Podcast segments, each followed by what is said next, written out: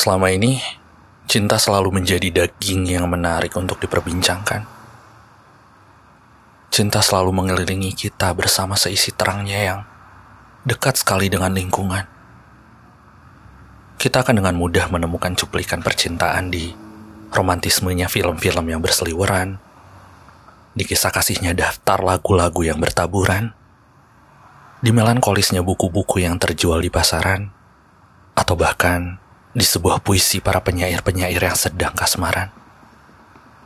Berkat berkembangnya budaya, juga karena erat kaitannya dengan gairah-gairah muda, cinta berhasil menjadi simbol kebaikan, menjadi cap sebuah kebenaran, yang merampungkan peradaban kita jauh dari yang namanya kehambaran.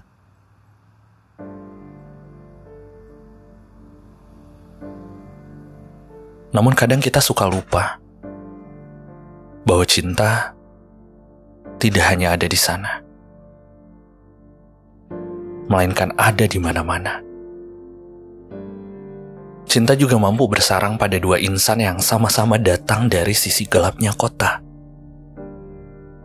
Pada orang-orang yang rusak, pada orang-orang yang pernah mengalami kekerasan fisik, pada orang-orang yang tidak normal, pada orang-orang yang mempunyai disfungsi area otak, atau bahkan pada orang-orang yang seumur hidupnya hanya bisa mendapatkan penolakan di masa lalunya.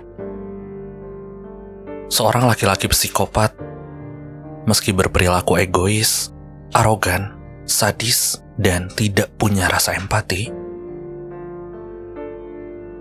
ternyata bisa juga jatuh cinta kepada seorang sosiopat.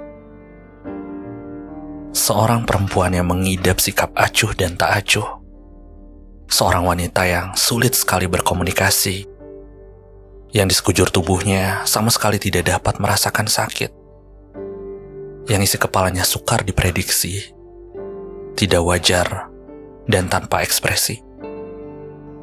Namun saat cinta berbicara, bahkan di situasi yang tidak logis pun, mereka berdua sama-sama bisa berkendara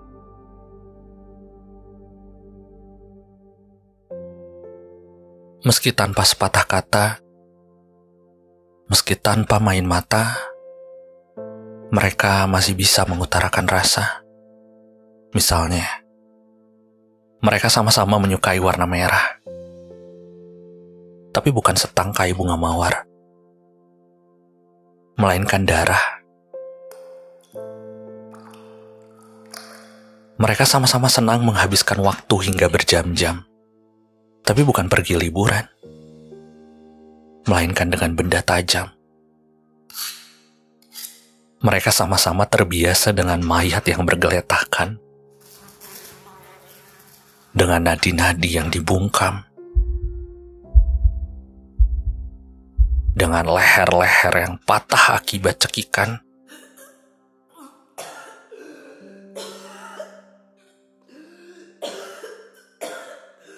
dengan nafas-nafas yang menghembuskan suara-suara penderitaan.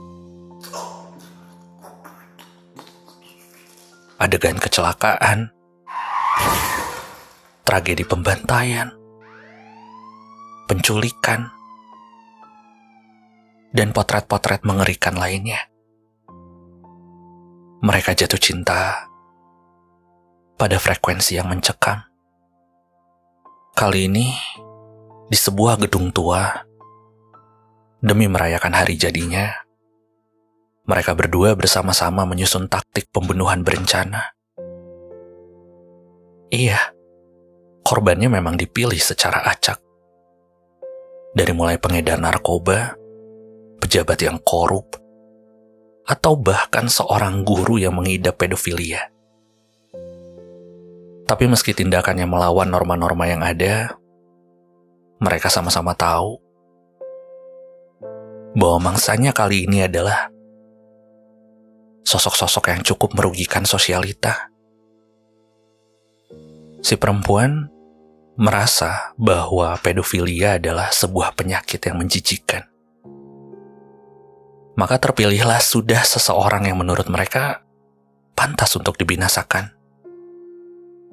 Melalui degup-degup yang ada, dengan riang gembira, Mereka senantiasa berdiskusi untuk menentukan pada hari apa, pukul berapa, dan dengan cara yang seperti apa eksekusi mati ini akan dilaksanakan. Sambil bergenggaman tangan, mereka berdua sudah tidak sabar untuk lekas melancarkan penyergapan. Mereka berdua sudah tidak sabar untuk segera menyaksikan musuhnya ketakutan, terkapar, memohon ampun untuk diselamatkan.